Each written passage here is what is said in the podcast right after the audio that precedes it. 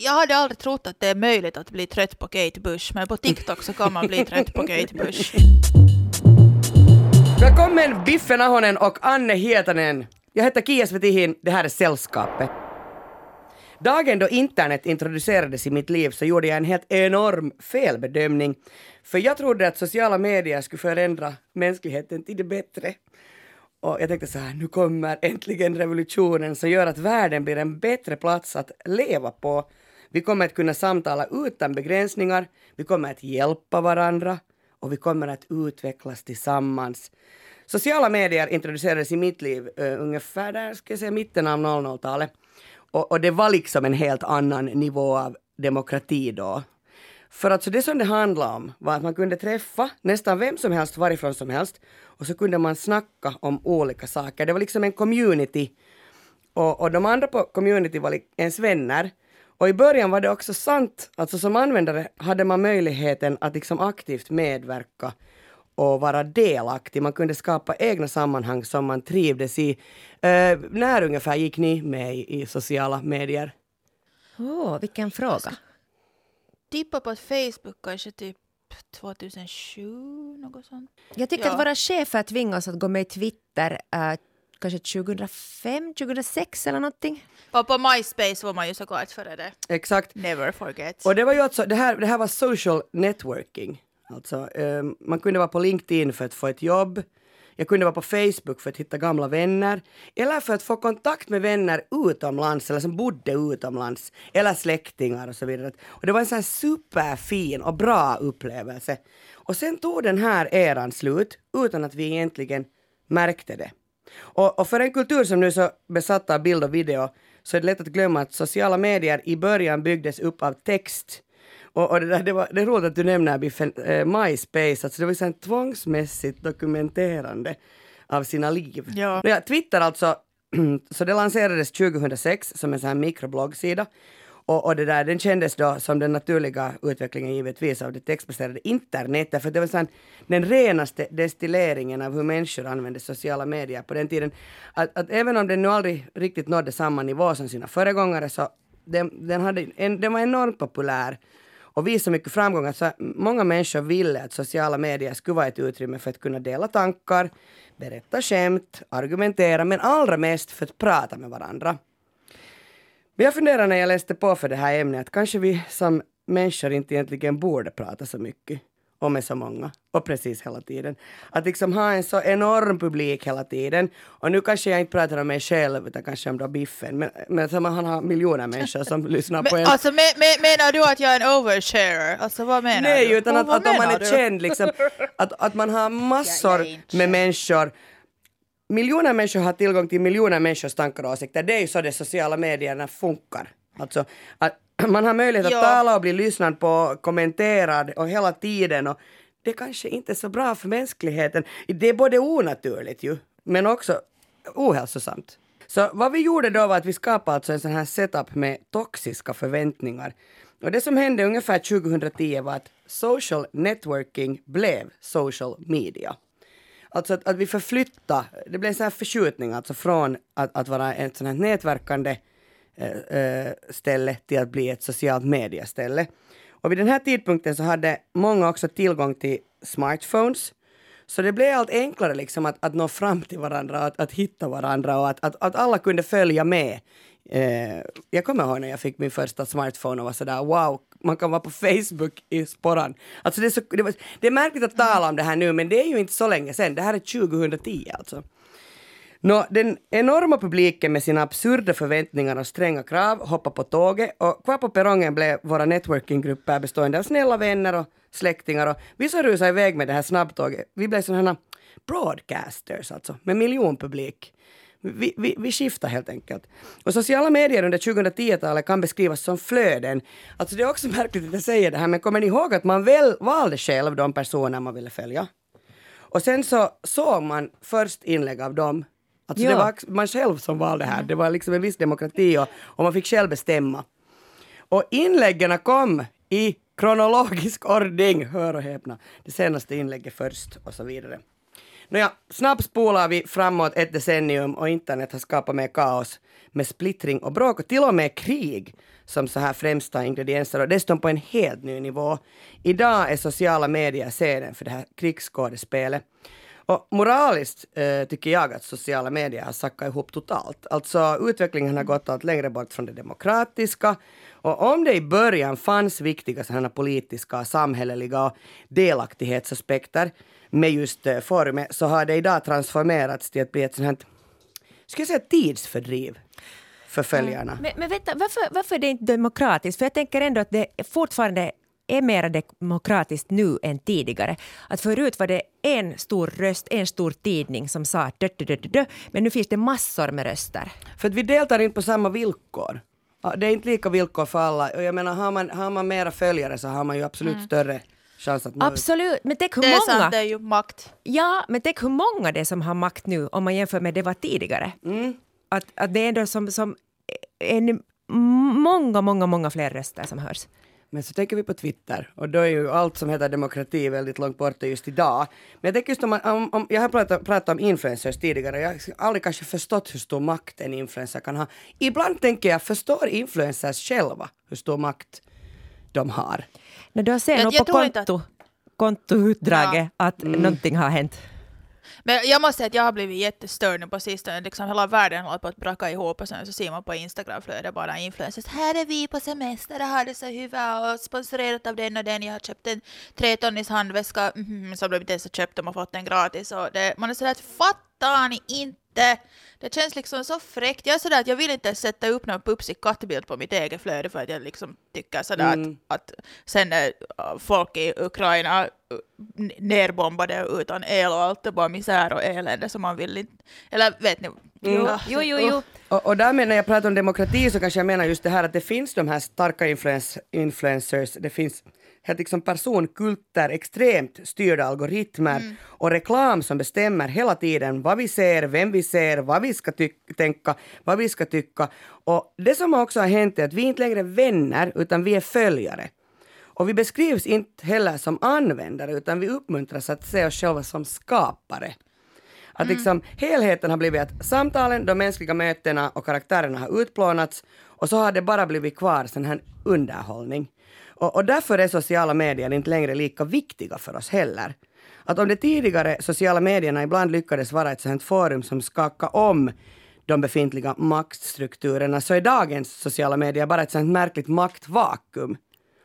Och, och det där, Facebook backar ju, Twitter är i kaos, Mark Zuckerbergs eh, imperium förlorar hundratals miljarder dollar i värde och de sa ju upp så 11 000 personer. Oh my God. Den nya Twitterägaren och miljardären Elon Musk, han sparkade hela vår ledningen. vän! ja, vår, vår verkligen sällskapets vän. Och, och, och, och, tusentals anställda fick gå. Han skrämde bort annonsörer och sen presenterade han en ny affärsmodell för att undvika då ekonomisk kollaps. Och nu har då många användare lämnat plattformen i protest och också ju för att den anses flirta med alt-right. Och vi då? Användarna, eller nej alltså förlåt, vi heter väl skaparna. No, det visar sig att vi fortfarande nog använder sociala medier, men en nedgång kan skönjas. Statistikcentralen de kartlägger varje år Finland, finländarnas internetvanor och i år så visar rapporten då att Facebook alltjämt har svårt att locka unga. Youtube tappar tittare. Snapchat och TikTok används främst av Gen Z. Instagram har en bredare publik men används då främst av millennialer. Att jag vet inte riktigt. Mm. Det här är ju liksom vad Statistikcentralen visar, man kan inte, man kan inte säga emot det.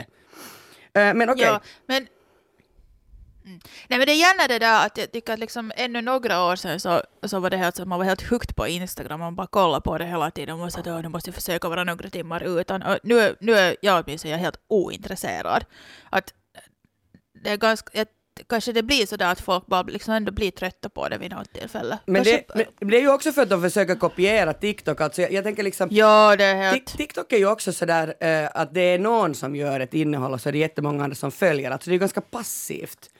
Uh, och, och, då har det ju, uh, är det inte Instagram har försökt gjort att de har gjort de här reelserna och, och det ska bara komma ja. massor med video emot dig. Jag är på min höjd tittar jag på andra stories. Det, det gör jag faktiskt fortfarande. Mm. Alltså de här de här snabba som försvinner på 24 timmar. Men inte ens det är mer så intressant. Ingenting är så intressant. Nej, det är inte. Nej, det är inte. Och allt blir liksom så här samma gröt för att alla är ändå likadant. Allt är likadant, allt är likadant. Och sen på TikTok också, herregud, man orkar ju inte när det är samma låtar, samma snuttar. Liksom. Man säger att, att, att jag hade aldrig trott att det är möjligt att bli trött på Kate Bush, men på TikTok så kan man bli trött på Kate Bush.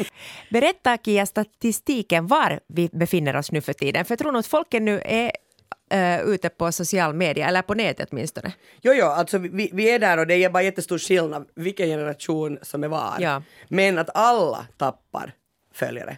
Men vart far de? Ja, det är det vi ska reda ut i sällskapet. För det är det jag skulle fråga av er. Vad ska man vara idag då? Vad ska man vara? Alltså, en plattform som en del användare då har valt att söka sig till är Mastodon. Eh, det här är ju alltså nästan kanske främst Twitter-användarna skulle jag säga. Känner ni till Mastodon? Ja, men jag är inte Nej. där. Okej, det är till utseende liknande. Jag, jag vet bandet. Samma här.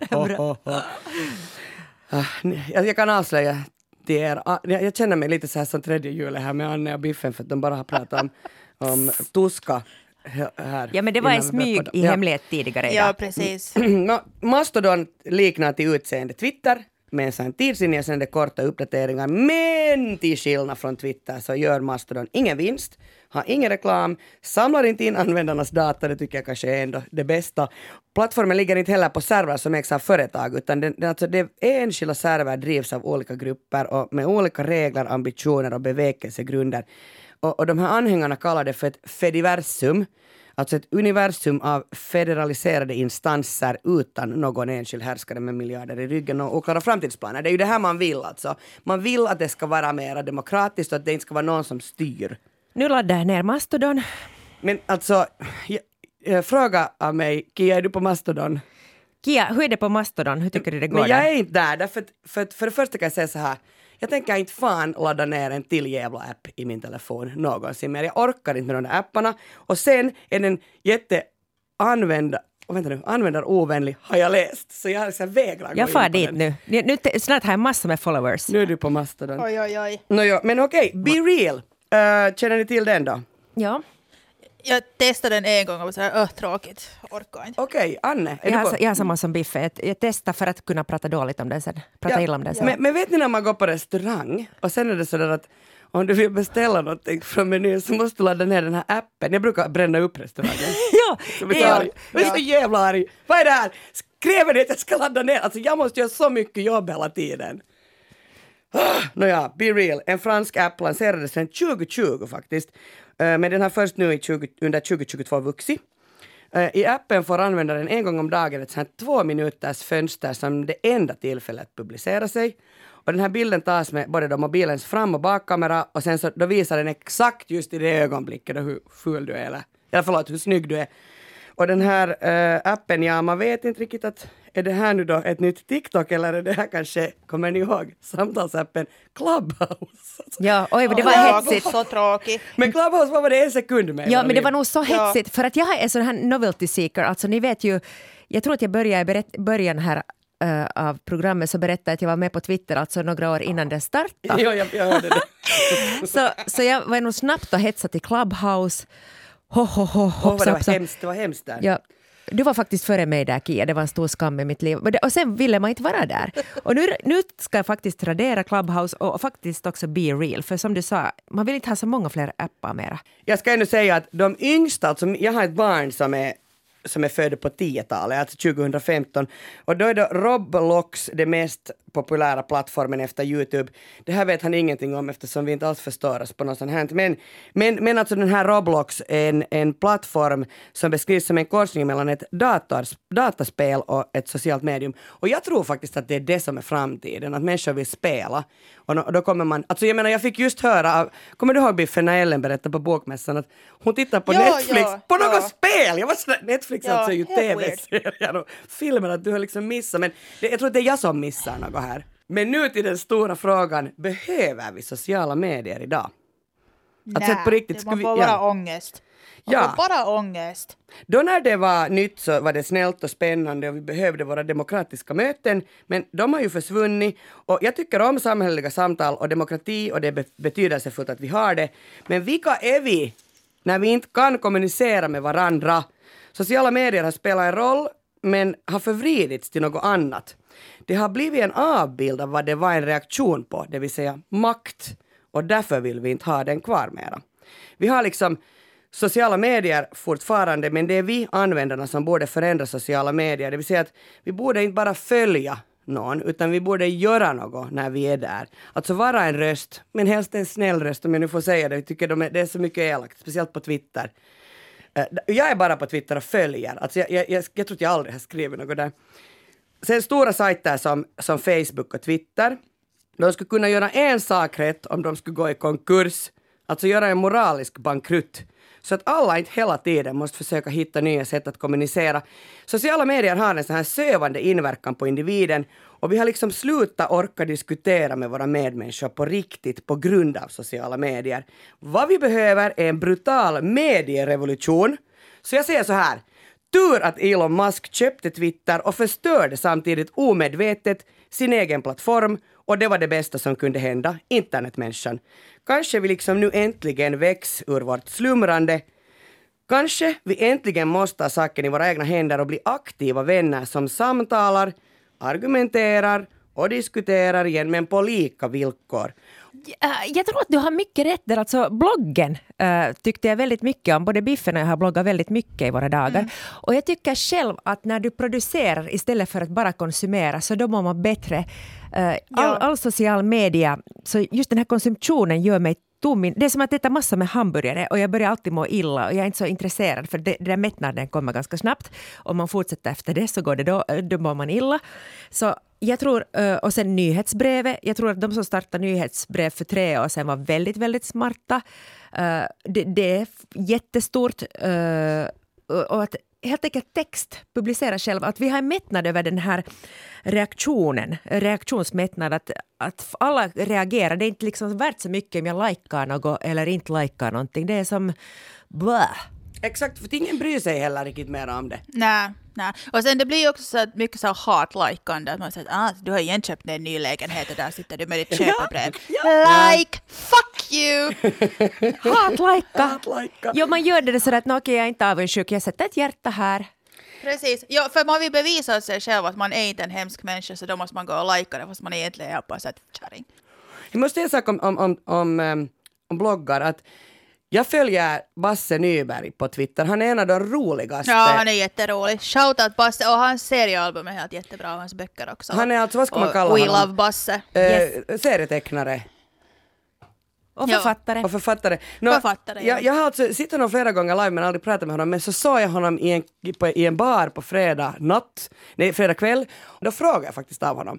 Vad tror du att kommer hända när Twitter inte mera finns? Och då sa han bloggen! Bloggen är tillbaka. Och därför vill jag säga det här för att om Basse Nyberg har sagt det så kan det faktiskt stämma. Det är sant. Men, men nu ska jag säga en, en spaning som, tänk om det här är sant. Så här tror jag. Kina ser så nöjd jag är så nöjd. Kina de introducerar ju TikTok uh -huh. och sen var de sådär att vi måste alla, Kina är ju sådana som bestämmer, alltså Kina på riktigt bestämmer över alla andra, det vet mm. väl vi. Nå, så har de så fått hela världen att ändra till det där video, sådana reels. Och vet ni vad de kommer göra nu? No. De kommer ta tillbaka stillbilden. Och sen kommer de vara igen sådär, nu när alla har ändrat så kommer de vara sådär, stillbild, stillbild är det bästa, och sen kommer det bli stort igen. Jag har döpt min spaning, eller min fundering idag, till det stora kroppskriget. Det pågår en stor backlash när det kommer till kroppen och kroppens storlek. Och den tjocka kroppen får sig igen. Jag ska berätta varför. Eh, jag kan berätta att eh, den 25.11 så såg jag på Yle Perjantai. Och det är ett diskussionsprogram och där såg jag en läkare, Tapani Kimkinen, som berättade hur otroligt ohälsosamt det är att vara fet. Och han berättade att han själv går på vågen varje dag för att kolla att det inte eh, spårar ut och att han håller sig i skick. Och så tyckte han ännu att det var viktigt att påst eller berätta då för alla att det finns ingenting sådant som hälsosam fetma. Och sen för att äh, illustrera hur viktigt det här är så hade man röda dit en kvinna som har gått igenom en fetmaoperation och hon fick massor med applåder. Man tyckte det var det finaste. Alltså gud, alltså det här, det här hänt nu? Det låter jag, blir, jag blir så, det jag blir så, så triggad. Alltså det, blir så, det låter som något på 90-talet. Ja. ja, alltså faktiskt, jag tittade i min kalender och och jag var helt säker att nu kommer det här, här att stå i kalendern 1999 eller kanske 2001. Och det är sällan jag blir riktigt förbryllad. Men jag var helt förbryllad. Jag tittade på min kalender och nej, 2022 stod det. Uh, så, så sådant. Och sen när man tittar vad som händer i Sverige så oh, jag, jag, jag, vet inte. Eller runt om i hela världen. Och faktiskt, jag måste säga att jag har haft väldigt svårt att sova på de, alltså sista veckan för jag funderar så mycket på den här debatten som pågår i Sverige nu. Och sen att ska jag prata om det i sällskapet? Vill jag ge uppmärksamhet åt det här ännu mera? Och jag har faktiskt haft jätteilla att vara för att jag vill verkligen inte sprida mera illamående och speciellt inte sjukdomar. Man vill inte sprida sjukdomar, mm. varken könssjukdomar eller psykisk ohälsa. Så ja, ja, ja, det är svårt för mig att prata om det här. Vi får se nu hur det går. Och jag verkligen hoppas att jag inte säger någonting nu som är jättetriggande eller som får folk att må jättedåligt. Jag har tänkt på varje ord ganska noggrant, men det är mycket svårt. Uh, i, I Sverige så diskuterar man nu två böcker om kroppar. Det är smala kroppar och tjocka kroppar. Och det här är på alla kultursidor, på debattsidorna. Det har tagit mycket, mycket utrymme. Och vi har konstnären och kroppsaktivisten Stina Wolter som tillsammans med metabolismforskaren Erik Hemmingsson har skrivit boken, boken Krigen, Kriget mot kroppen. Och den har väckt en hel del motstånd. Jag det där, uh, hörde en debatt med henne och en läkare, där den här läkaren hade skrivit ett sånt här upprop i DN och varit jätte så här, alltså orolig för att hon har skrivit den här boken. Där han just sa så här att, att fetma, eller det, det är farligt med din kropps, äh, kroppsaktiv, vad heter det? Kroppsaktivism. Ja, att, att Stina Wollter håller på med kroppsaktivism, att det ska du sluta med för det är jättefarligt för omgivningen. Jo, jo. Och, och, hon, blev alltså, hon var så arg i den här debatten, det var en bra debatt. Du har helt rätt. Alltså, till exempel i en debattartikel i Dagens Nyheter så skriver tolv experter uh, som är uh, alltså experter inom fetma och övervikt att den här boken kan vara farlig. Ja, det var en av han, hon måste debattera med en av de ja, läkarna. Ja, och, och sen att, att om någon läser det här så kanske de tror att det är okej att vara fet. Och ja, eh, no. Sen finns det då en bok som har väckt ännu mera debatt och det är Sara Meidells bok Ut ur min kropp. Uh, först så skrev kritikerna ganska så här positivt om den, att den var fint skriven, en, en fin sjukdomsskildring med många botten. Men sen kom det kritik mot kritiken och man ifrågasatte att ingen problematiserar att boken kan läsas som en hyllning till anorexin. Och, och det här har aj, aj. pratats väldigt, väldigt mycket om. Nå, um, är det den här boken du har läst?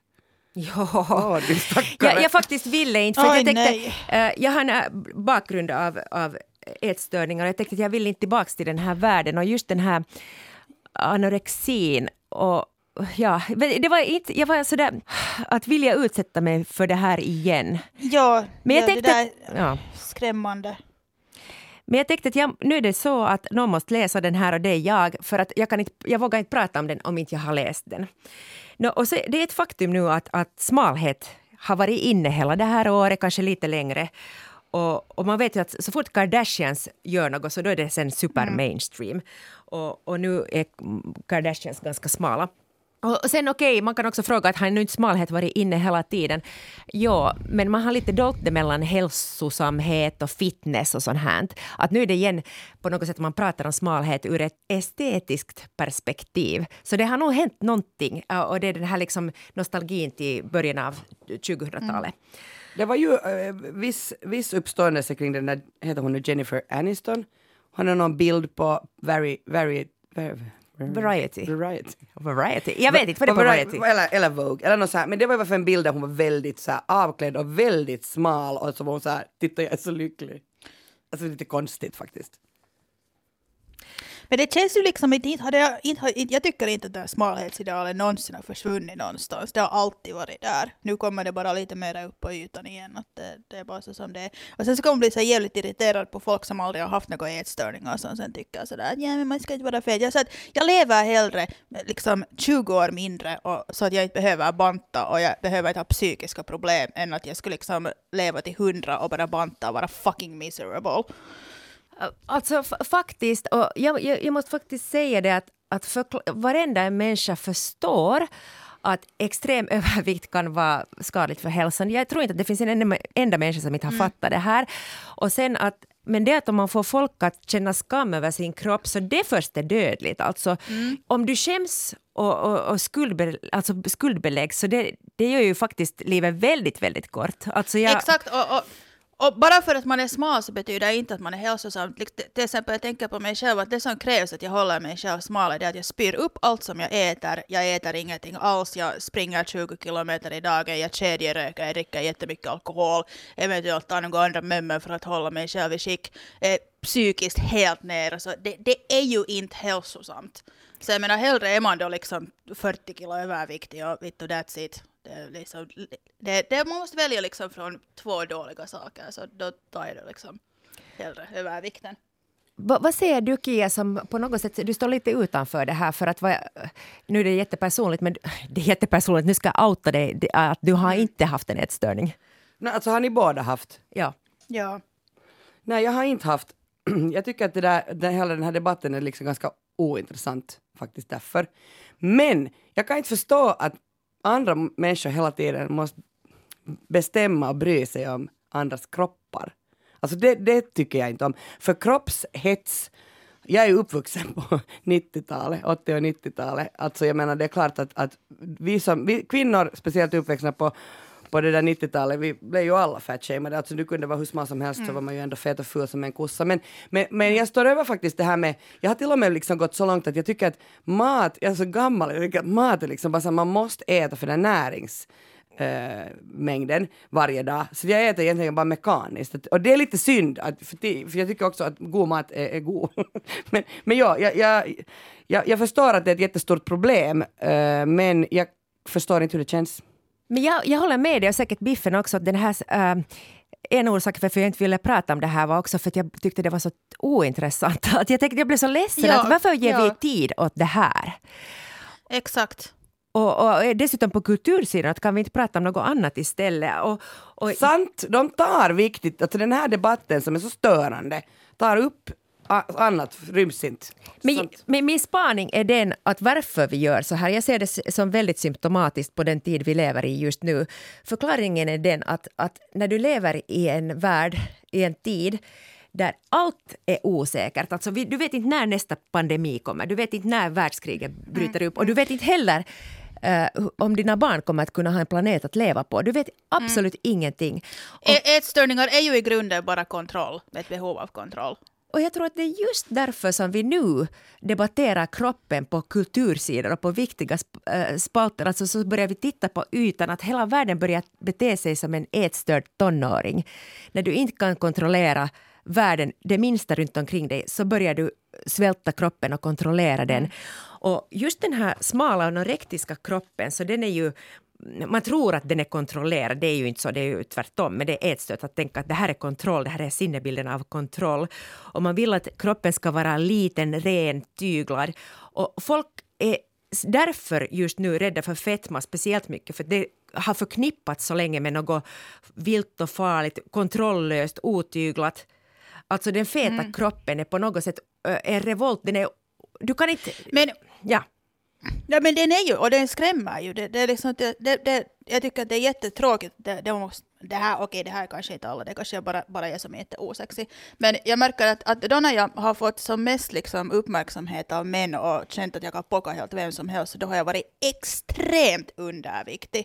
Och liksom psykiskt i ett jättedåligt liksom, läge. Och det känns liksom sådär att, att att män vill ha någon som är svag och, och liksom jätteliten. Och sen genast när man blir liksom tjockare och, och uppkäft, uppkäftigare så ingen vill ha en för att det är bara så att nej, du, du är för mycket jobb. Liksom. Alltså, det här orkar jag inte med. Män kan ju inte tåla, och nu ska det här inte bara handla om någon sån här manshat här, alltså det är inte det jag är ute efter, men, men, men jag är ganska stark och det är någonting som nog, ja. alltså de flesta män har väldigt svårt med att man lyfter till exempel mera från bänken eller simmar snabbare det, det finns mycket, springa bättre.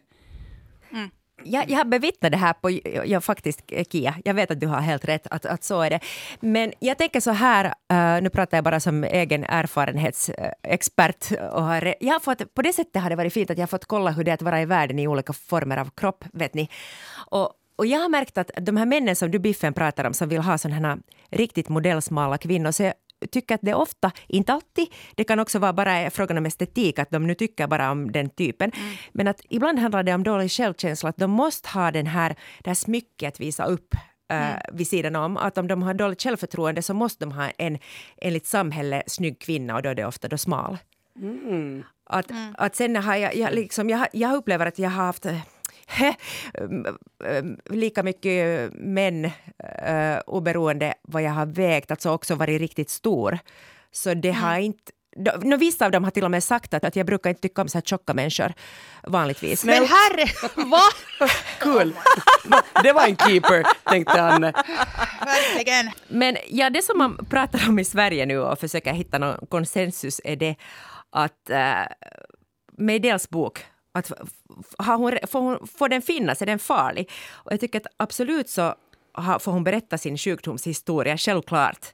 Och jag tror att det är vi som är journalister och kolumnister och som pratar om den här boken. Så det viktigaste är hur vi beter oss och vad vi säger, att vi sprider sjukdomen vidare. Och, och, nu efter att ha läst både boken och debatten så tycker jag att debatten är mer skadlig än själva boken. Jag kan säga också att boken är nog problematisk. Att jag skulle faktiskt inte rekommendera den till en enda människa att läsa. Den är välskriven. Mm. Men jag skulle inte rekommendera till, kanske till personal som vårdar anorexipatienter, men inte till någon annan. Alltså, jag läste det där, en, en, jag har inte läst boken, men jag läste en um, intervju med henne i tidningen Vi. Ja. Och det är det sjukaste skiten jag har läst och jag kan alltså säga att jag, jag pallar inte att läsa mera än, än första, första liksom styckena. Därför att det var som en kärleksförklaring till anorexin och det är väl det som hon har fått kritik för, Sara, hette hon Meidell? Ja. Att hon liksom hyllar anorexin, att, har, att hon har blivit en bättre människa genom att vara så sjuk. Och den där intervjun var något fruktansvärt konstigt. Det var som att den där, den där journalisten som hade intervjuat henne också hon ville hylla den här sjukdomen. Vilket alltså blev, det blev, så här, det blev väldigt konstigt att läsa. Och det är väl kanske det jag tyckte också med den här, den här Meidel, att hon, det, hon framstod som att hon tyckte att hon var snäppet bättre än oss andra. Mm. Alltså, och då tänker jag att det är den där kontrollen, alltså, hon kan mm. kontrollera sitt matintag, det kan inte jag.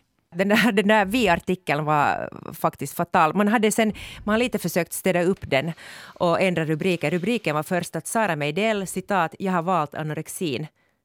Sen det var då jag läste den, ja, när den hette så. Och, och nu ja. har man liksom lite modifierat den och försökt mjuka till den. Det viktigaste nu som jag vill komma fram till är det att vi som pratar om den eller om psykisk sjukdom överlag så, så vi kan utbilda oss och ta reda på att hur man ska prata om dem, om man alls ska prata om dem. Och jag kan ge nu några konkreta exempel när det gäller till exempel ätstörningar. Så det är viktigt att, att äh, man ska utlämna, alltså hur ska jag säga, det är ju individuellt vad var och en triggas av, men jag kan säga nu några solklara exempel och, och, och solklara triggerpunkter. Och det, det är att man ska inte säga vad man väger exakt i kilogram. Det kan vara jättetriggande att en anorektiker berättar sin minsta vikt för att det blir liksom en triggerpunkt att man ska själv då väga mindre än det. Man ska inte prata om exakta matmängder eller vad man äter för det blir också någonting du kan jämföra dig med. Eh, man ska inte sprida tips på hur man svälter sig själv eller gömmer mat. Eh, man ska inte heller nämna hur mycket man idrottar eller alltså sådana konkreta självskadebeteende, sjukdoms liksom parametrar som kan spridas, så då, då, ska man lämna onämnt. Och både i debatten om, om ja, när man pratar om ätstörningar. För det är triggande. Alltså jag tycker det är en intressant fråga. Samma är det med självmord. Så här, som journalist så ska man till exempel vara väldigt försiktig med att skriva om mm. självmord. Och, och då ska vi, vi ska väl helst sätta en sån här triggervarning. Nu talar jag om yle-journalister här. Men, men det där, jag tänker, hur ska man göra med sådana här ämnen? Jag menar ätstörningar, ska man då ha, alltså, ska man prata om dem men följa den här listan Anne som du nu just sa? No, alltså den här listan, jag försökte faktiskt googla, jag tänkte säga att googla hur man ska göra och så googla inte hitta jag något så det här var nu bara det vad jag mm. hittade på här i hasten. Eller hasten och hasten, jag funderar på det här jättemycket. Men det är svårt, det, det finns inga regler, det är jätte vi, vi rör oss på liksom jättekänsliga vatten, men jag tycker nog att vi ska fortsätta prata uh, bara kolla att varför pratar vi? Att vill vi bara ha uppmärksamhet eller vad handlar det om? Att vill vi, om, du, om du intention är på något sätt hjälpa, hjälpa, mm. hjälpa, hjälpa, uh, så då är det okej. Okay. Det går ändå fel. Det, det går ofta fel. Mm, men jag tycker att det är viktigt att man pratar om det så att folk förstår att de är inte är ensamma och att det kan hända vem som helst och att man kan komma över det. Alltså, jag, jag har läst den här Carolina Ramqvists bok Bröd och mjölk, heter den så? Ja. Ja, ja. den, den kom på våren. Ja. Och, och alltså, jag, jag har jättes... Alltså jag kan säga så här att jag har inte riktigt kommit igenom den och jag lyssnar på den. Jag tycker att den är... Alltså den handlar ju också om... Den handlar om mat. På ett jättejobbigt sätt faktiskt. Jag, jag, jag, först lyssnade jag på den när jag skulle somna för, för den är sövande på ett... Alltså den är, hon är ju en otroligt skicklig skribent. Herregud, det vill jag understryka. Men jag tycker den är lite obehaglig. Uh, och den, hon, för hon beskriver ju en, en ätstörning sitter Anne och nickar. Är det, för du har ju läst den va? Nej, jag valde att inte läsa. Nej, du har valt att inte läsa jag, den, jag, är så, jag, jag är så trött på ätstörningar och det är som så hemsk Mm. värld och den är så vidrig att jag vill inte tillbringa något extra tid där om inte jag måste. Så det var faktiskt med långa tänder jag läste den här, heter det långa tänder, det låter ju jättekonstigt. Men långa tänder jag läste den här boken. Men borde förlaget ha varit sådär att, att, att de skulle ha satt en brasklapp? Uh, nej men alltså borde de ha satt någon sån här varningsstarra på den? Att de, Ja, det kunde faktiskt ha varit. Att jag har förstått att, att yngre generationer vet hur man ska använda det här triggervarning. Jag är ju bara så åh, det här vill jag läsa om det står trigger, trigger. Ja, det, så, jag. det här för mig då. Parental advisory, okej. Eh, men ja, det kunde de bra ha gjort. Och sen också faktiskt strykt vissa stycken i boken. Att, men det är inte Sara Medells fel. Hon får skriva vad, en författare får alltid skriva vad den vill. Ja, för det är det jag tänker. Att jag menar, vi har ju läst böcker av, av liksom deprimerade människor om depression eller av något, alltså mördare. Alltså jag menar, det Ja, finns ju allt ja, möjligt. ja. Att, att det är ju svårt att veta var man ska dra gränsen. Ja, och sen undrar jag liksom uh, hur, hur många uh, böcker av alkoholiserade författare, uh, författare har vi inte läst? Alkoholismen, och då har det aldrig blivit så här debatter att hoj vad de nu sprider alkoholromantik. Bra! Biffen, din tur. Ja, tack. Jag fortsätter på saker som ingen ska läsa eller titta på. Julrelaterade mysfilmer som jag hatar. Uh, uh, och hatar julen överhuvudtaget. Uh, jag har en familj som bor här på andra sidan gatan från mig och de är så här riktiga julfantaster. De har redan riggat upp julljusen runt hela huset. Skit i elräkningen, nu ska vi mysa. Pappan i familjen börjar klä sig i ugly Christmas sweaters genast i december så han har säkert idag tagit fram dem. Eh, och så står han och grillar en julskinka där på gården och håller på så. Ho, ho, ho. Jag är den där pappan, jag älskar Uh, julen. och så, och så, jag, jag, jag, liksom, jag hukar där vid mitt köksfönster som gargar mig och som spionerar på de glada smurfarna och fattar liksom inte vad fan som ska vara så kul. För jag är en julhatare. Min födelsedag är några dagar före jul. Jag får aldrig några vettiga födelsedagspresenter. Ingen hinner komma på fest. Jag har trauman från lågstadiet då jag tvingas vara Lucia för att jag hade det längsta håret. Jag fick panikattack av att stå på scenen då. Jag tycker att gröna kulor borde förbjudas. Inte gillar jag lutfisk heller. Uh, annat jag inte gillar är julfilmer. För att de brukar ju vara helt så här otroligt dåliga med premissen att en bitter och elak loser-singel tvingas åka till något familjeevent och fastnar i en hemsk byhåla vart de sen hittar sin inre julkänsla och förvandlas till underbara personer samtidigt som de blir kära i någon mystisk men sexig man som visar sig vara tronarvinge till långt bort i stan eller en miljardör eller ännu värre en godhjärtad man som kan bygga saker och laga mat och hjälpa till hemma. Och eftersom detta är the unicorn of men och nästan aldrig träffas i naturen som ogift är han änka och en underbar far till sina överdrivet väl uppfostrade unga.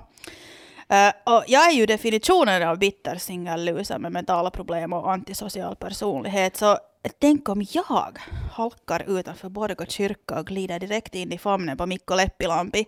Jag får näsblod på hans vita pälsjacka och först blir han arg men sen ser han mig med mitt vinterbleka torra face och blodiga näsa och inser att han har alltid velat ha en fet och arg flickvän som tycker mer om sina katter än om honom. Och boom, det är ett julmirakel. Eh, Vilket mirakel, jag Äh, älskar det här! I know. Eh, så en av årets sliskiga julfilmer heter Falling for Christmas och det ska det vara det här knark och alkoholproblem drabbade Lindsay Lohans stora comebackfilm.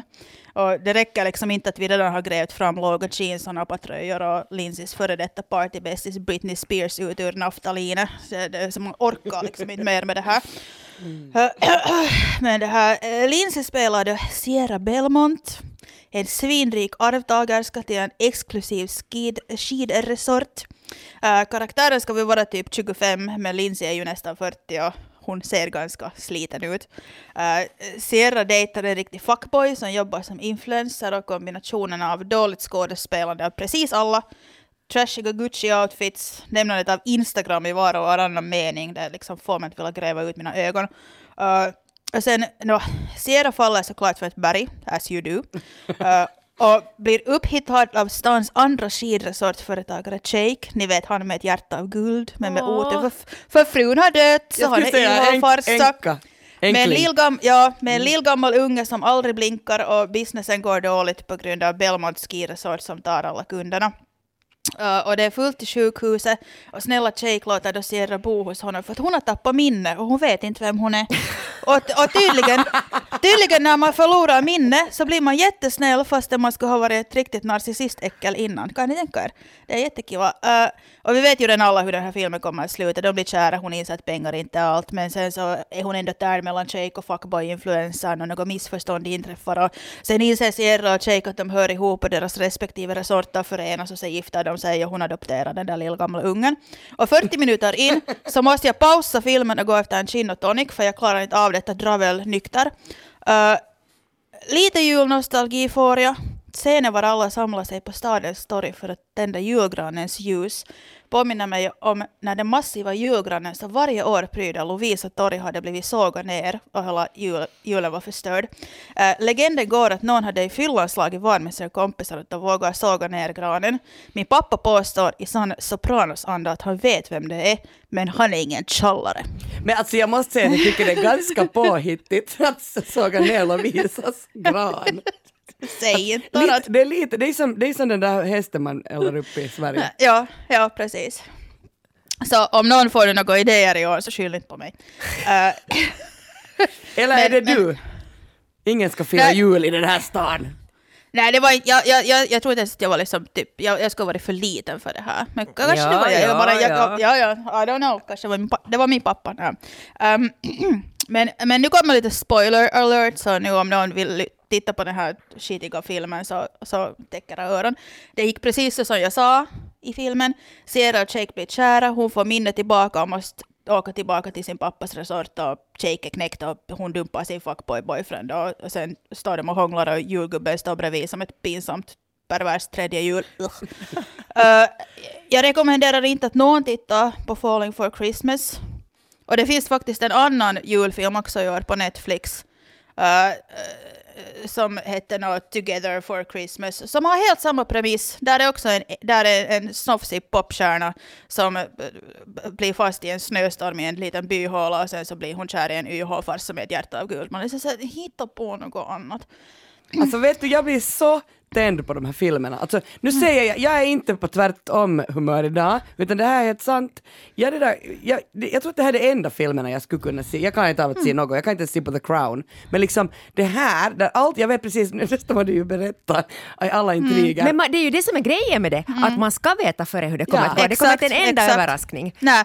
Och sen musiken är alltid helt lika. Jag tycker så synd om de som hamnar och göra den filmmusiken för att det är, så, det är så paha. Det är så paha, det är alltid helt likadant. Det, det bara liksom, och det är så här overacting och just liksom, ingen av barnen blinkar någonsin. Tänk att det har ändå varit vuxna människor som har ett medvetande och kan Ja. kanske säkert prata och gå som Ja. har gjort den här Ja. filmen. Och sen när alla de där typerna liksom, de ler men man ser på deras ögon att de lider liksom i den där filmen. Att de fattar själv hur skit det är och de är bara såhär think about the money, think about the money. Och sen just att Lindsay Lohan är så otroligt sliten. Det är liksom, det, det är riktigt, riktigt illa. Men Biffy, jag måste säga tvärtom, för att jag trodde att Lindsay Lohan var alltså lika gammal som jag. Och så vet man, det har ju spri- pratats väldigt mycket om hennes leverne. Så jag trodde egentligen att hon skulle ha sett ut som att hon skulle vara 75, så jag tyckte ändå att hon var liksom någorlunda Ganska fresh liksom. Ja, och sen så tyckte jag nog, jag tyckte att det var lite roligt att hon fick göra comeback, äh, för att det har gått så väldigt dåligt för henne så länge, hon har varit laughingstock så länge. Och ko- jag vet inte om ni kommer ihåg, men att att alla skrattat henne, till exempel hennes ex-bästis Paris Hilton. Äh, det fanns en video där hon hånskrattade åt Lindsay Lohan. Och jag tänker så här, att tänk om det skulle kunna vara eh, så att, att det här är en snyting till Paris Hilton, för det här är alltså också en hotell, sån här ä- ärvtagare. Och hon Bra eh, point. gifter sig på en, nej hon blir friad till på en sån här alptopp. Precis så som Paris Hilton blev. Och det var också då på Instagram, no, vad det kan före Instagram, det var också här social media grej. Så att det skulle vara lite roligt om det skulle vara en revenge, vad heter det? revansch för Lindsay Lohan. Mm. Och det här är ju också faktiskt bara del ett. Alltså hon kommer att göra en, hon har skrivit kontrakt för en film till. Om, Ja, men om, stackarn. nej men, hon har just gift sig, hon kanske är nykter eller liksom Mm. att hon inte knarkar mera. Nu är det ju jätteroligt. Är den här filmen farlig? Borde den ha en triggervarning på sig? Den borde ha, den får, den får en att liksom vilja hoppa ner för ett stup. eh, av, av varierande orsaker. Ja men helt allvarligt talat, så på sätt och vis så borde den kanske ha en triggervarning på sätt och vis. För jag tänker alltid att sen när du har träffat då Mikko Leppilampi, all kärlek till honom, och, och ni har blivit ihop och han älskar dig, så sen är det ju inte så trevligt. Det är ju då som den där fasliga tiden börjar, när ni ska försöka Det leva ju det. tillsammans. Och Det är det inte det. kul. Jag Ja, säger är det. ju Nej, alltså det är ju liksom relationer är liksom kul sådär max tre månader och sen så blir det bara skit efter det. Men du gick ju till botten faktiskt med ditt julhat, Biffen. Men jag måste fråga av Anne, hur är det med dig? Tycker du om julen du då? Nej. Nej, nej, Nej, det nej, inte. nej. Jag, jag, jag, men men hej, jag har faktiskt en rekommendation om ni tittar på något ännu sämre julrelaterat Ja, än, ja, än, de ja. här, än de här. Så, så eh, jag vet inte, kanske någon av er har sett den här, men det är Star Wars Holiday Special från 1978. Eh, och den är, liksom, den är jättedålig. Uh, den har Star Wars jul, Life Day extravaganza är känd för att vara helt otroligt konstig och dålig. Vi får till exempel träffa Chewbaccas hela familj som bara ylar åt varandra i en kvart utan någon översättning. Uh, uh, prinsessa Leia är hög som ett hus, Han Solo skäms, Luke Skywalker han, han tycks liksom inte alls fatta hur dåligt det är. Och sen det mest cringe är när farfar Wookie får en sån här erotisk hologramdans i julklapp av sin kompis. Det är, liksom, det är så paha. Uh, speciellt ett stående skämt bland Star Wars-fans, så titta på egen risk. Jag kanske ska ta och titta på den där Falling for Christmas. Men jag måste, jag, jag menar, för nu är ni båda så här julhatare. Jag älskar julen. Eh, det har blivit liksom viktigare och viktigare liksom för mig varje år som har gått. Alltså igår höll jag på i fyra timmar och julpynta i mitt hem. Och jag har hela tiden sagt så här att jag gör det för att jag har ett barn som är sju år. Men han var så totalt ointresserad. Han var Biffen och Anne. Han satt och rökte och drack GT'n. Shout- Shoutout shout out till Mio här, verkligen. spelade något spel och var såhär “mamma kan du sluta?” Pia, det här är så gulligt och så sött att jag vet inte vad jag ska göra. Du, nu, Du tvinnar omkring där hemma och lyssnar på Mariah Careys julskiva. Exakt! Nej, jag, lys- alltså, jag, jag lyssnar på äh, Sigge nu kommer alla, alla mina hemligheter fram. Ni vet Alex och Sigge, Jaha. så den där Sigge han har gjort en så här underbar julplaylist. Jag lyssnar på den alltså, i en månad kan jag lyssna på den. Jag, alltså det jag är så julkär. sen, är du också lite kär i julgubben så att du alltid sitter i hans famn lite för länge på julafton? Jo, och kramar honom lite för länge och lite för... Men vet ni vad, att det är alltid jag också som är julgubben. Nu, förlåt nu om ah, det fanns någon lyssnare som inte visste det här, men julgubben är ett påhitt. Men, men, det där, men, men mitt barn har aldrig någonsin trott att julgubben finns, för, för det är ju så, jag, har köpt den där dräkten från Lidl, den är så dålig, så man ser att det är jag. Men, men alla vet så här, låt Kia hålla som tycker att det är så viktigt med de här jultraditionerna. Nu ska Kia klä ut sig igen, okej. Men nu slutar vi. nu ska vi sluta medan ännu jag har ett jobb kvar. Hörni, jag har tänkt ändå så här att om det finns någon där ute som skulle vilja mejla oss så når man oss. Inte behöver man. Vi får nog, vi får nog hatmail. Men om man vill skicka hatprat åt oss så skicka det på salskapet.yle.fi. Man får också skicka julhälsningar. Vi fick ju Biffen, alltså jag undrar om det faktiskt är du som har fått det. Vi fick ju alltså fanmail. En, en gammal Fantomen från kanske 70-talet. Och det var, en, en, det var alltså anonym fanmail. Jag fick det alltså med posten. Och det där, Va? Jo, och det där, då skrev personen att jag har lyssnat på er sen ni pratade om Elon Musk och då tänkte jag alltså direkt på dig Biffen, för det, du, du, du, har pratat, du pratar om honom i nästan varje avsnitt.